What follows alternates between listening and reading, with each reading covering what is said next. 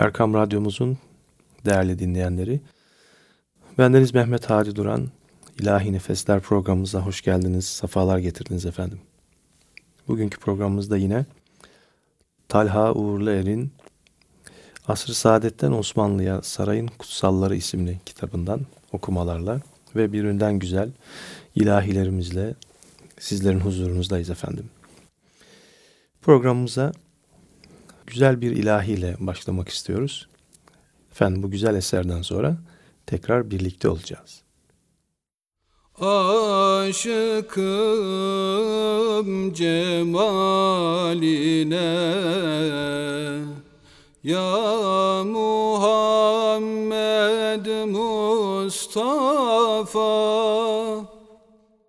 Aşıkım cemaline Ya Muhammed Mustafa. Talibim kemaline. Ya Muhammed Mustafa. Talibim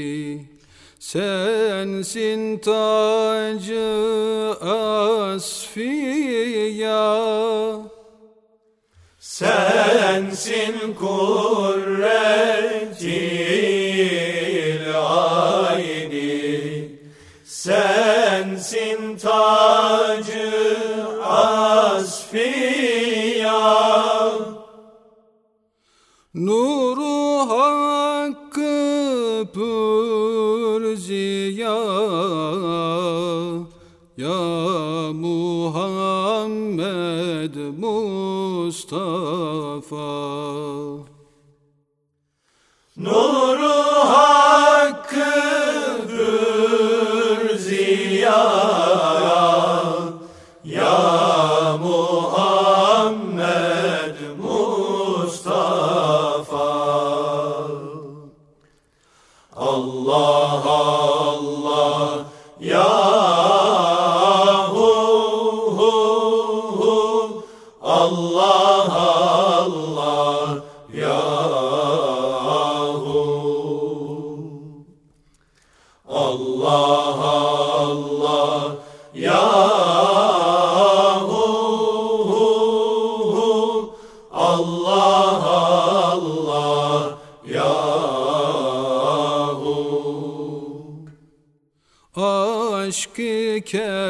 kemter ümmetin.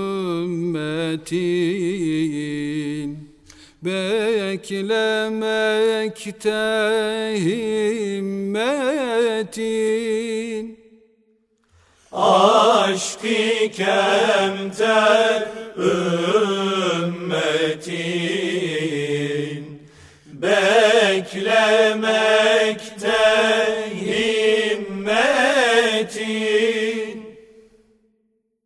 Görmektedir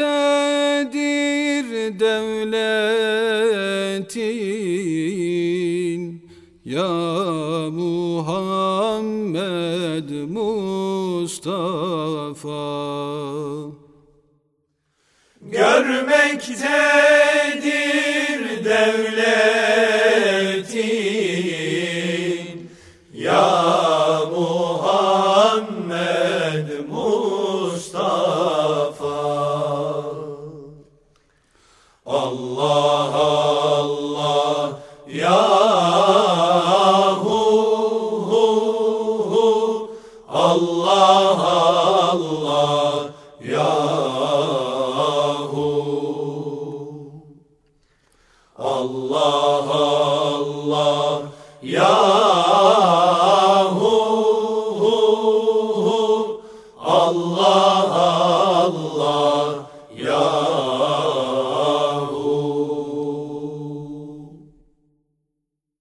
Her sene 14 Şubat tarihi yaklaştığında televizyonlarda benzer bazı reklamlar yayınlanmaya başlanıyor. Geçtiğimiz yıllarda bir tanesi vardı ki ne zaman görsem aklıma şimdi anlatacağım hadiseyi getiriyordu. Bir bayan eşine baş ve işaret parmağını birleştirerek uzatıyor ve beni şu kadarcık seviyor musun diyordu. Bu sözün ne anlama geldiğini sanıyorum şu anda bizi dinleyen hanımefendiler anlamıştır. Beylerin bir kısmının da anlamış olduğuna eminim ama şu kadarcık şey nedir ki diyenleri de duymuyor değilim.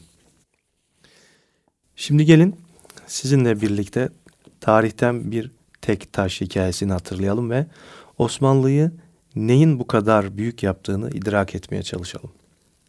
Sultan 1. Ahmet Han padişah olmuştu. Babası 3. Mehmet'ten kendisine kalan saltanat emareleri arasında bir de yüzük bulunmaktaydı. Üzerindeki elmas taşı neredeyse bir ceviz büyüklüğünde olan bu yüzük, Devlet Ali Osmani'nin önemli emanetlerinden biriydi. Ayrıca o günlerde bu taş Osmanlı coğrafyasında bilinen en büyük elmas sayılıyordu. Kaşıkçı elması daha keşfedilmemişti.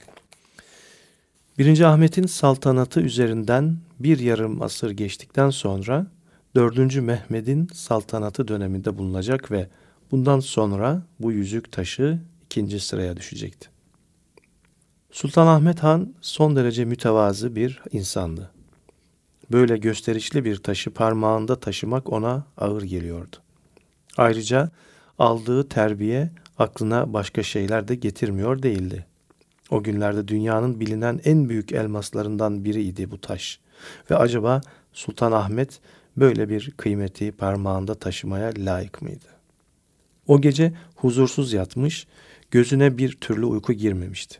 Sabah uyandığında yüreğindeki bu ağırlıktan kurtulmaya niyet etmişti. Evet, o günlerde Osmanlı Devleti hala bir cihan imparatorluğuydu. Ne ikinci Viyana bozgunu yaşanmıştı ne de Karlofça anlaşmaları imzalanmıştı. Devletin o günkü sınırları kanuni döneminden daha da genişti. Hatta çok değil bir 15 sene sonra oğlu Genç Osman döneminde gerçekleştirilen Hotin Seferi ile devlet daha da büyüyecekti.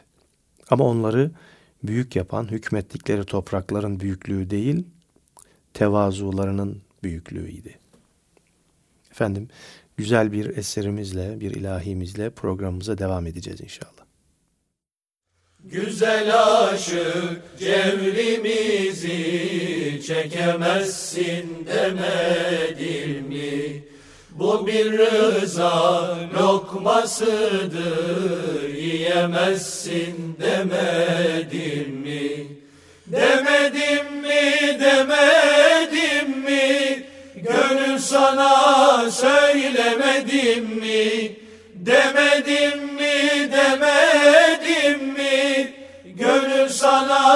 söylemedim mi? Bu bir rıza lokmasıdır yiyemezsin demedim mi? Bu bir demdir gelir geçer duyamazsın demedim mi? Yemeyenler kalır naçar Gözlerinden kanlar saçar Bu bir demdir gelir geçer Duyamazsın demedim mi?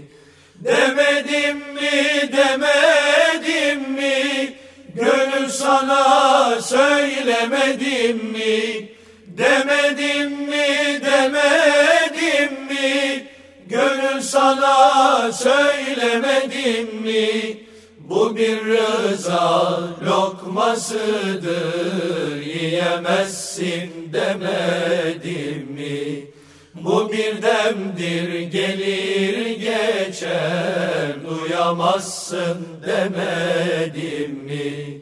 Pir Sultan Ali Şahımız Hakka ulaşır rahımız On iki imam katarımız Uyamazsın demedim mi? Demedim mi, demedim mi? Gönül sana söylemedim mi? Demedim mi, demedim mi? Gönül sana söylemedim mi? Bu bir rıza lokmasıdır Yiyemezsin demedim mi? Bu bir demdir gelir geçer Duyamazsın demedim mi? Bu bir rıza lokmasıdır Yiyemezsin demedim mi? Bu bir demdir gelir geçer Duyamazsın demedim mi? Efendim bu güzel ilahimizden sonra kaldığımız yerden devam ediyoruz. Evet, Mısır seferinden dönerken koca Yavuz hem halifelik ünvanını getiriyordu hem de mukaddes emanetleri. Devletin topraklarını üç kat büyütmüş bir padişah olarak onun gelişi İstanbul'da heyecan dalgaları oluşturuyordu. Halk haftalardır ayaktaydı. Derken beklenen ordu Üsküdar'a yanaştı. Gündüz vaktiydi. Karşıya geçilebilirdi.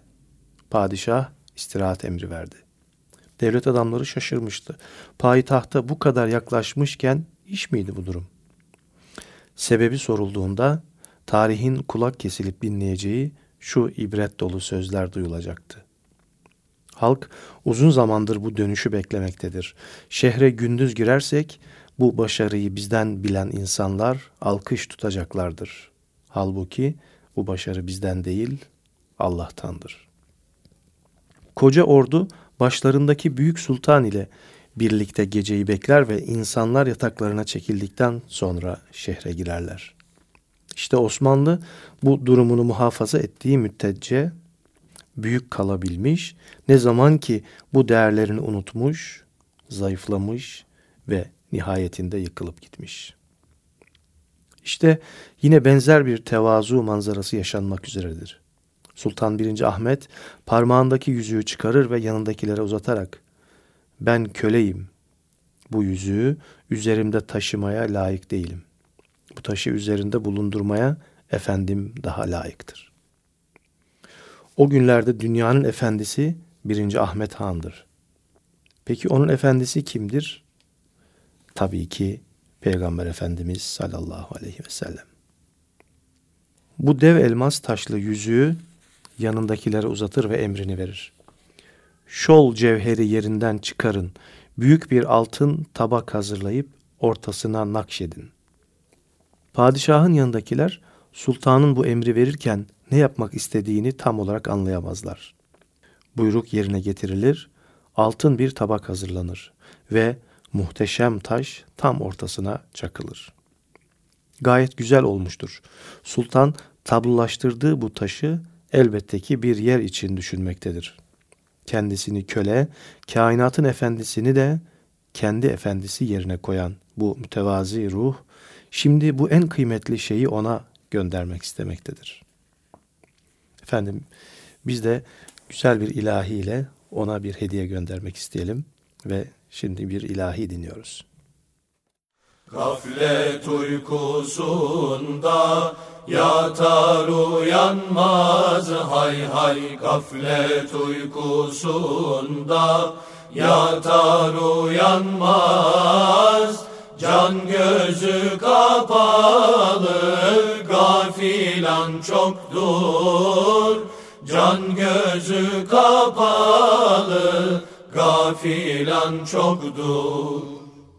Hak sözü dinlemez, asla inanmaz. Hay hay hak sözü dinlemez, asla inanmaz Kalbi çürük fesat cahilan çoktur.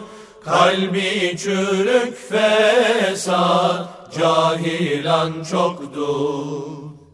Mürşidi kamile vermez özünü Hay hay mürşidi kamile vermez özünü Gaflet uykusundan açmaz gözünü.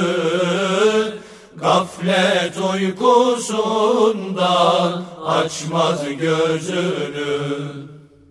Taştan katı beter söyler sözünü. Hay hay taştan katı beter söyler sözünü Bed amelli fesat münkiran çoktur. Bed amelli fesat münkiran çoktur. Nefsatına binmiş gezer boşuna Hay hay nefsatına binmiş gezer boşuna Haksız olanların hakta işine Haksız olanların hakta işine.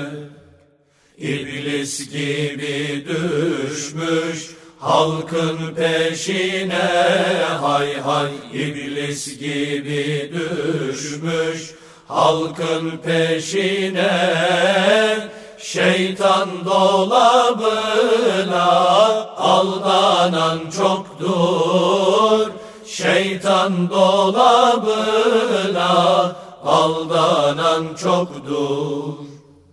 Genç abdal herkesi mest olur sanma Hay hay genç abdal herkesi mest olur sanma her kurban delisi post olur sanma.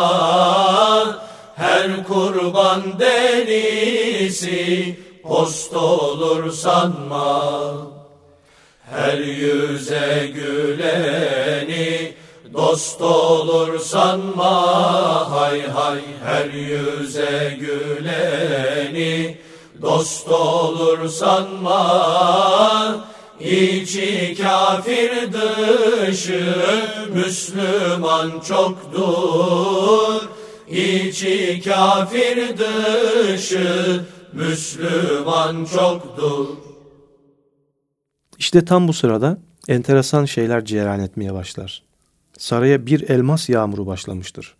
Sultan 1. Ahmet Han'ın parmağındaki yüzükteki dev elması söktürüp Medine'ye Peygamber Efendimizin makamına göndermeyi düşündüğünü haber alan halkın içinde elmas yüzüğü olanlar tek tek taşlarını söktürüp saraya göndermektedirler.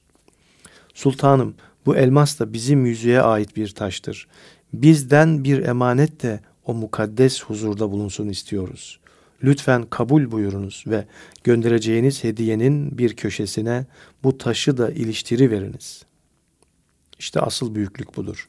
Yani sadece idarecinin mütevazılığı, diğer gamlığı ve asaleti değil, halkın da kadir şinaslığı, mukaddesata bağlılığı bir o kadar önemlidir. Sultan bir kez daha emir verir. Gönderilen bütün elmas parçaları hazırlanan mücevhere iliştirilsin ve böylece dünya mücevher tarihinin en önemli tasarımlarından biri meydana getirilmiş olur. Ad olarak da Kur'an-ı Kerim'de cennetin anlatıldığı bir bölümde geçen Kevkebi Dürri ismi verilir.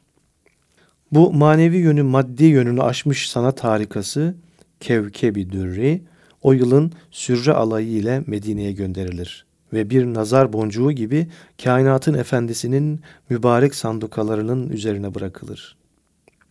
1600'lü yılların başından 1916'ya kadar orada öylece kalır. Birinci Dünya Savaşı'nın en sıkıntılı günlerinde Medine'ye ateş düşmesine ramak kala ise Medine müdafiimiz Fahrettin Paşa tarafından İstanbul'a gönderilerek düşmanın yağmasından kurtulur.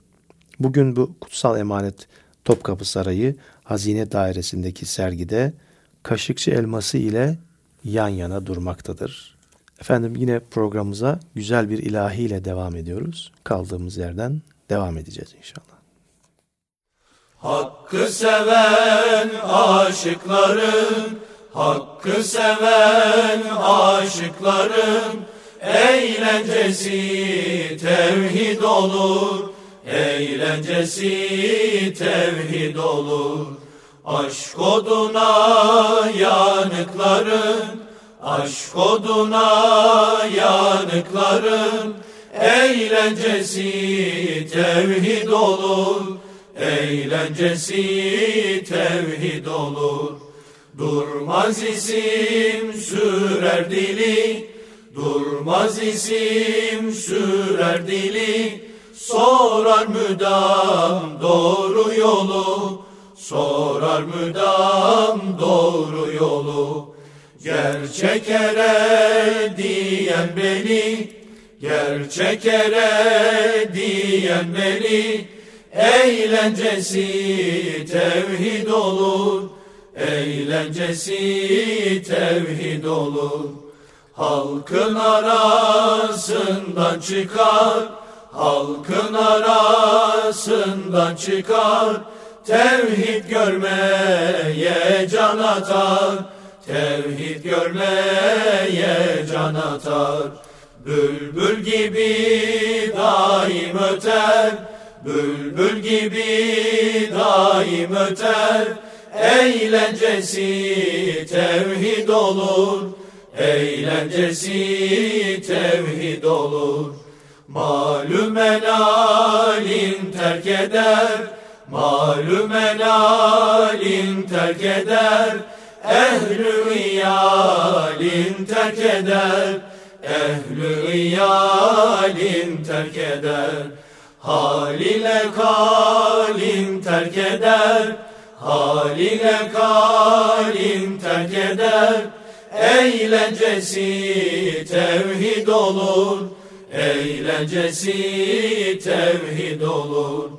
Dünya ve ukba perdesi, dünya ve ukba perdesi, ardına atar cümlesin, ardına atar cümlesin.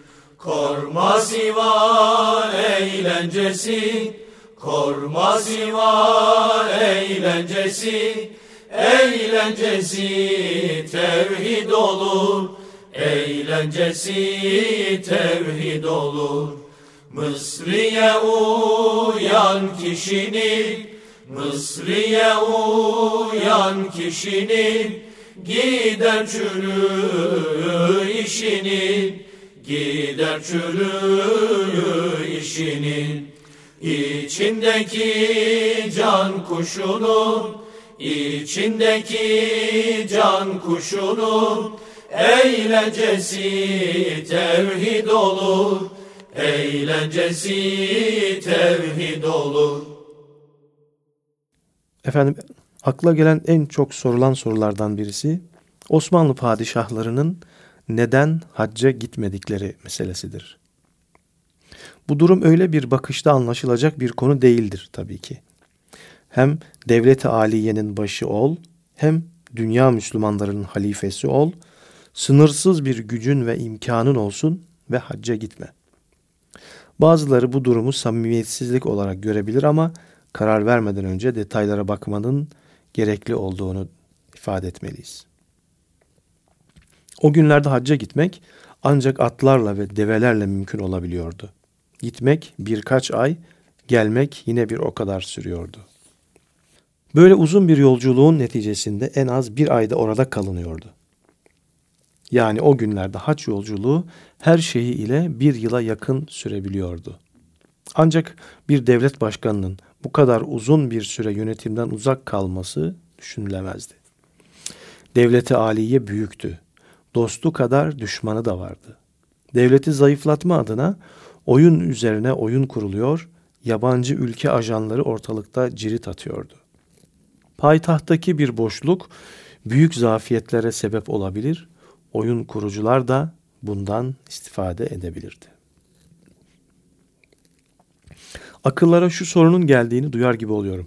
İstanbul'dan uzun süreli ayrılması sıkıntı meydana getirmesin diye hacca gidemeyen padişahlar uzun süreli seferlere gidebiliyordu ama. Bu sorunun cevabı aslında içinde saklı. Uzun süreli seferlere gidilebiliyordu ama bu yolculuklara ordu ile birlikte çıkılıyordu.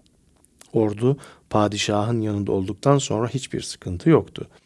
Ne başkentte ne de başka bir coğrafyada hiç kimse sıkıntı çıkarmaya cesaret edemezdi. Ancak ordu İstanbul'da iken padişahın uzun süre dışarıda olması büyük marazlara sebep olabilirdi. Ordu ile birlikte hacca gidilemez mi diye hiç sormayın. Çünkü bu mümkün değildi. Yüz bin kişilik bir ordu ile hacca gidilemezdi. Az sayıda bir kuvvet ile gidecek olsa bir düşman kuvveti önlerine kesip sultanı esir alsalar çok daha vahim hadiseler cereyan edebilirdi. İşte bu nedenlerden dolayı hiçbir Osmanlı padişahı hacca gidememiştir. Oralara hasret yaşamış, oradan bir toprak getirtip yüz sürmüş, oraları görmüş bir bez parçası ile gömülmek istemiş, hatta oralara hitaben mektuplar kaleme almış ama gidememişlerdir. Osmanlı'nın kutsal topraklara düşkünlüğünün bir nişanesi de surre alaylarıdır. Her sene İstanbul'da dokunan Kabe örtüsü ile birlikte nice hediye haremeyne gö- gönderilmek üzere bu kervanlar ile yola çıkarılmaktaydı. Padişahlar bazen kendilerince özel bir takım hediyeleri de surre eminlerine verir ve hücre-i saadete konulmasını isterlerdi. Devir Osmanlı'nın Avrupalı devletler tarafından hasta adam olarak nitelendirildiği bir zaman dilimiydi. Tanzimattan bu yana devleti aliye üzerindeki emellerini gerçekleştirme adına daha bir ortak hareket etmeye başlamışlardı. Fakat onları endişelendiren bir şey vardı.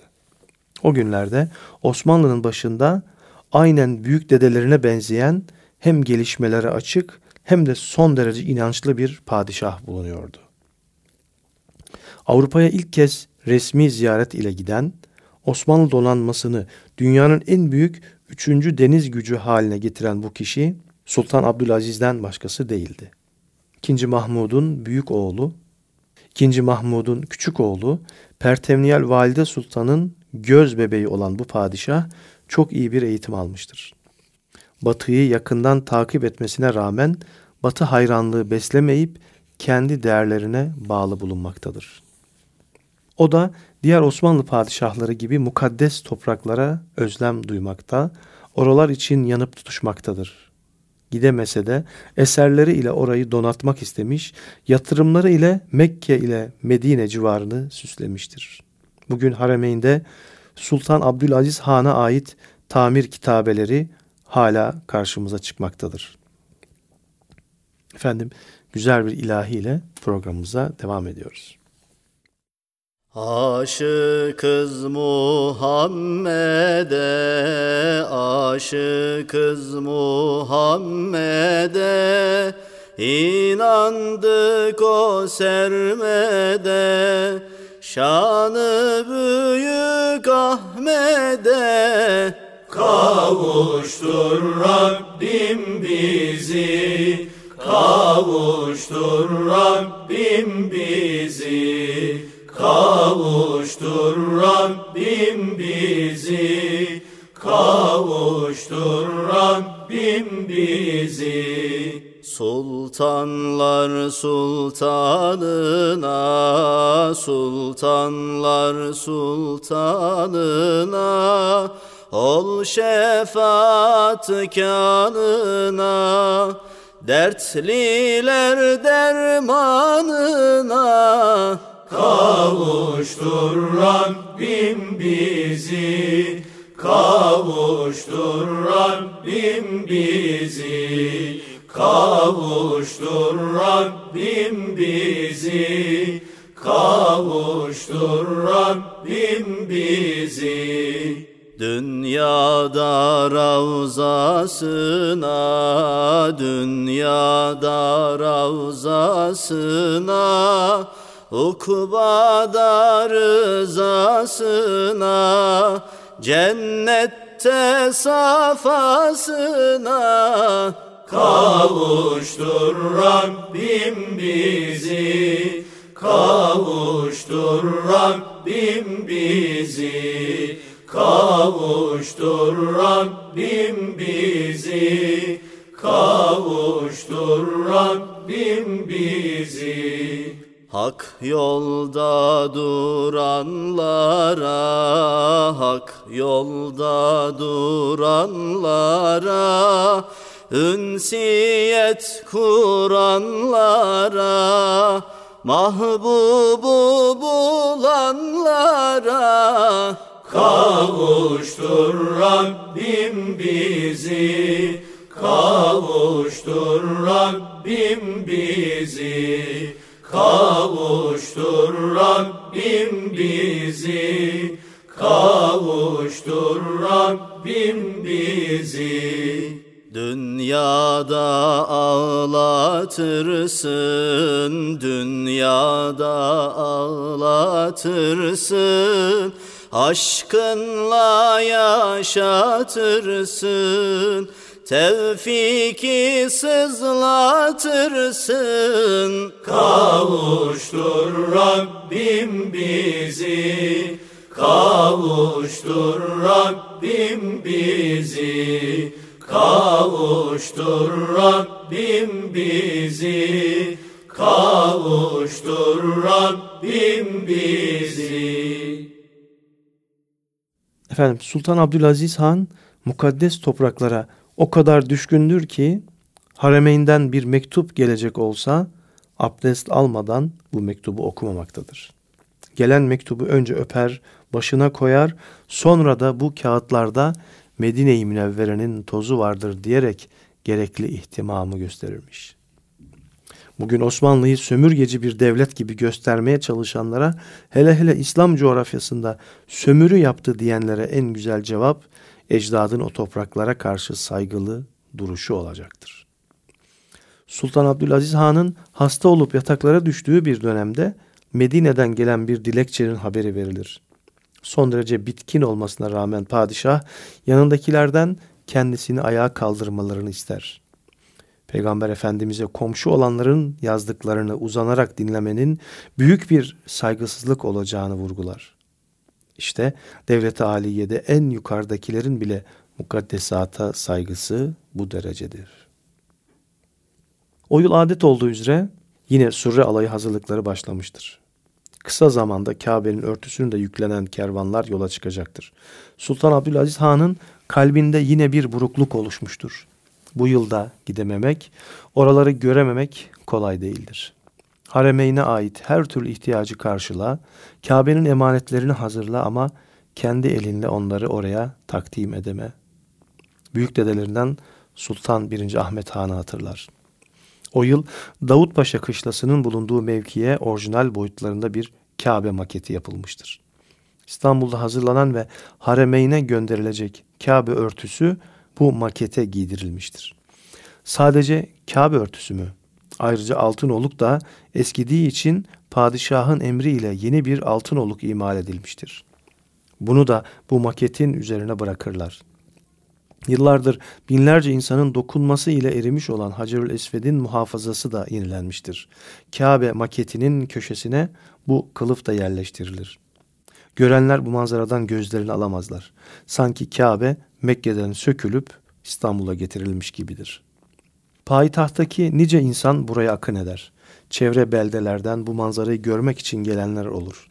Sonra gözyaşları içinde maketin üzerindeki emanetler sökülür, paketlenir ve surre eminlerine teslim edilerek mukaddes topraklara uğurlanır. Kim bilir 1. Ahmet ne kadar çok istemiştir bu alay ile yolculuk yapmayı, adım adım Kabe'ye yaklaşmayı ve kendi eli ile bu emanetleri Allah'ın evine takdim etmeyi. Sultan Abdülaziz Han o yılın sürresi ile mukaddes topraklara bir mektup göndermek ister. bu mektup kainatın efendisine hitaben yazılacaktır. Ona duyulan hasret, muhabbet, ona gelememenin ızdırabı, ondan umulan şefaat mektubun satırlarına yansıyacaktır. Efendim programımıza güzel bir ilahiyle devam ediyoruz. Seyrimde bir şehre vardım, seyrimde bir şehre vardım. Gördüm sarayı güldür gül, gördüm sarayı güldür gül. Sultanının tacı tahtı, sultanının tacı tahtı, bağı divarı güldür gül, bağı divarı güldür gül. Gül alırlar, gül satarlar, gül alırlar, gül satarlar. Gülden terazi tutarlar, gülden terazi tutarlar. Gülü gül ile tartarlar, gülü gül ile tartarlar. Çarşı pazarı güldür gül, çarşı pazarı güldür gül. Gülden kurulmuş bir çadır, gülden kurulmuş bir çadır. İçinde nimeti hazır, içinde nimeti hazır. Kapıcısı İlyas Hızır, kapıcısı İlyas Hızır. Nanı şarabı güldür gül, nanı şarabı güldür gül. Ümmi Sinan gel vasfeyle, Ümmi Sinan gel vasfeyle. Gül ile bülbül devrini, gül ile bülbül devrini. Meğer bu garip bülbülün, meğer bu garip bülbülün, ahu figanı güldür gül, ahu figanı güldür gül, ahu figanı güldür gül, ahu figanı güldür gül. Evet efendim bu güzel ilahiden sonra devam ediyoruz hikayemize. Mektuba uzun bir selam ile başlar Sultan Abdülaziz Han. Peygamber Efendimiz'e ümmet bu kutlu topraklara hadim olduğu için şükrederek devam eder. Osmanlı'nın içinde bulunduğu sıkıntıları anlatıp çevresinin inkarcılar ile çevrildiğini anlatır. Uzun temennilerini hem şahsı hem ülkesi için sıralar. Sonunda da Efendimiz Aleyhisselatü Vesselam'dan şefaat dileyerek mektubu nihayete erdirir. Sultan Abdülaziz Han bu manidar mektubu kendi eli ile iki yerden mühürleyecek ve surre eminlerine teslim edecektir. Günümüzde kutlu doğum dönemlerinde okullarda Peygamber Efendimiz'e mektup yazma yarışmaları düzenlenmektedir. Aslında bu durum bir saltanat adeti olup padişahların bile iştirak etmekten mutlu olduğu bize özel bir peygamber sevgisi tavrıdır. Aslında Peygamber Efendimiz'e hitaben mektup yazma adeti yeni değildir. Tarih boyunca bu gelenek sürdürülmüş, bu mektuplar kainatın efendisinin türbesi civarına bırakılmıştır.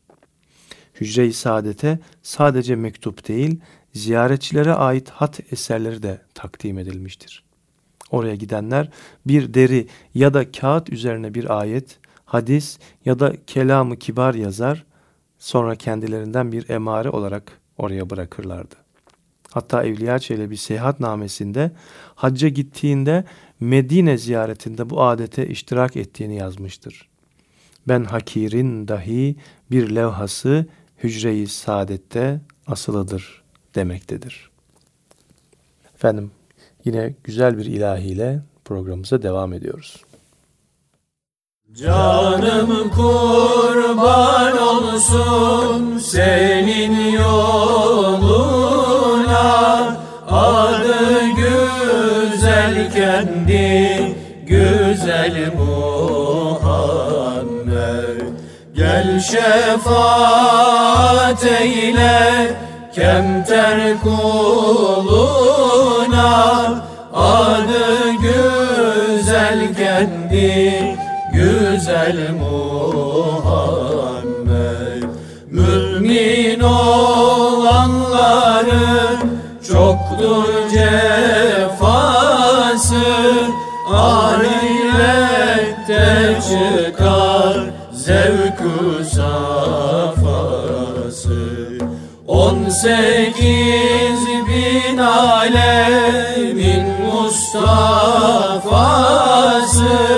Adı güzel kendi güzel Muhammed. Yunus der cihanı neyleyem sensiz? Sen hak peygambersin şeksiz gümansız Sana inanmaya göçer imansız.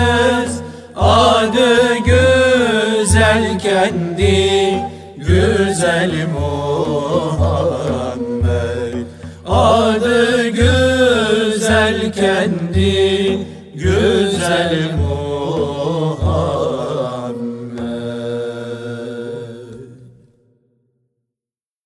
Efendim bu güzel ilahiden sonra hikayemizin de sonuna yanaşıyoruz. Sultan Abdülaziz Han'ın mektubu o yılın sürre alayı ile Medine'ye götürülecek ve Peygamber Efendimiz Aleyhisselatü Vesselam'ın mübarek türbelerine takdim edilecektir. O yıldan sonra bu mektubun akıbeti unutulur. Hala türbede midir yoksa biri alıp zayi mi etmiştir? Sonraki yıllarda bilinmez olur. Birinci Dünya Savaşı yıllarında mukaddes emanetler güç bela İstanbul'a getirilir. Topkapı Sarayı'ndaki diğer mukaddes emanetlerin arasına konulur. Paketler açılırken aralarından bir zarf düşer. İçinde Sultan Abdülaziz Han'ın o mektubu da vardır. Efendim yine güzel bir ilahiyle programımıza devam ediyoruz.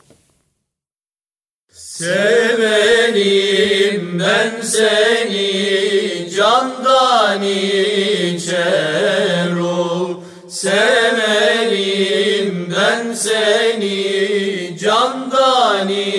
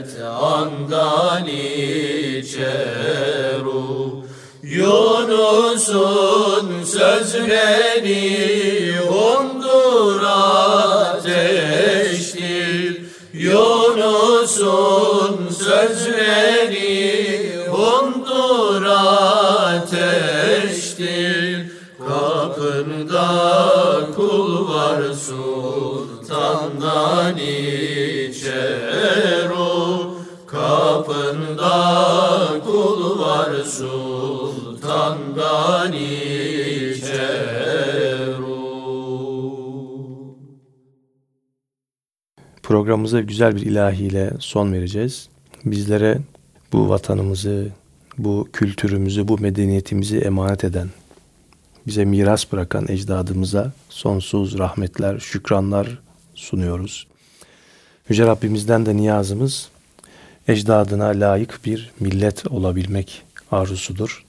Bizi bu gayeye ulaştırsın inşallah.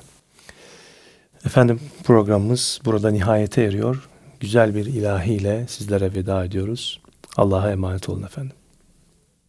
Kapısı yok, bacası yok, hu Mevlam hu.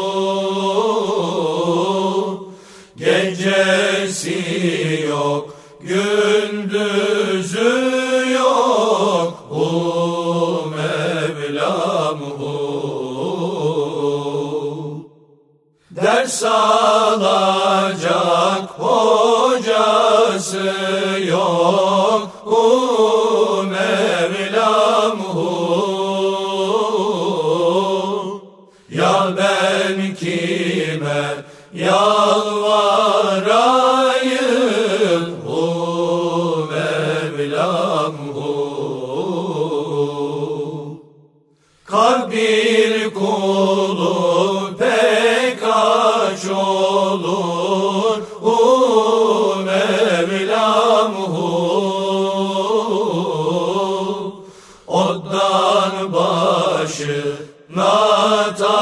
no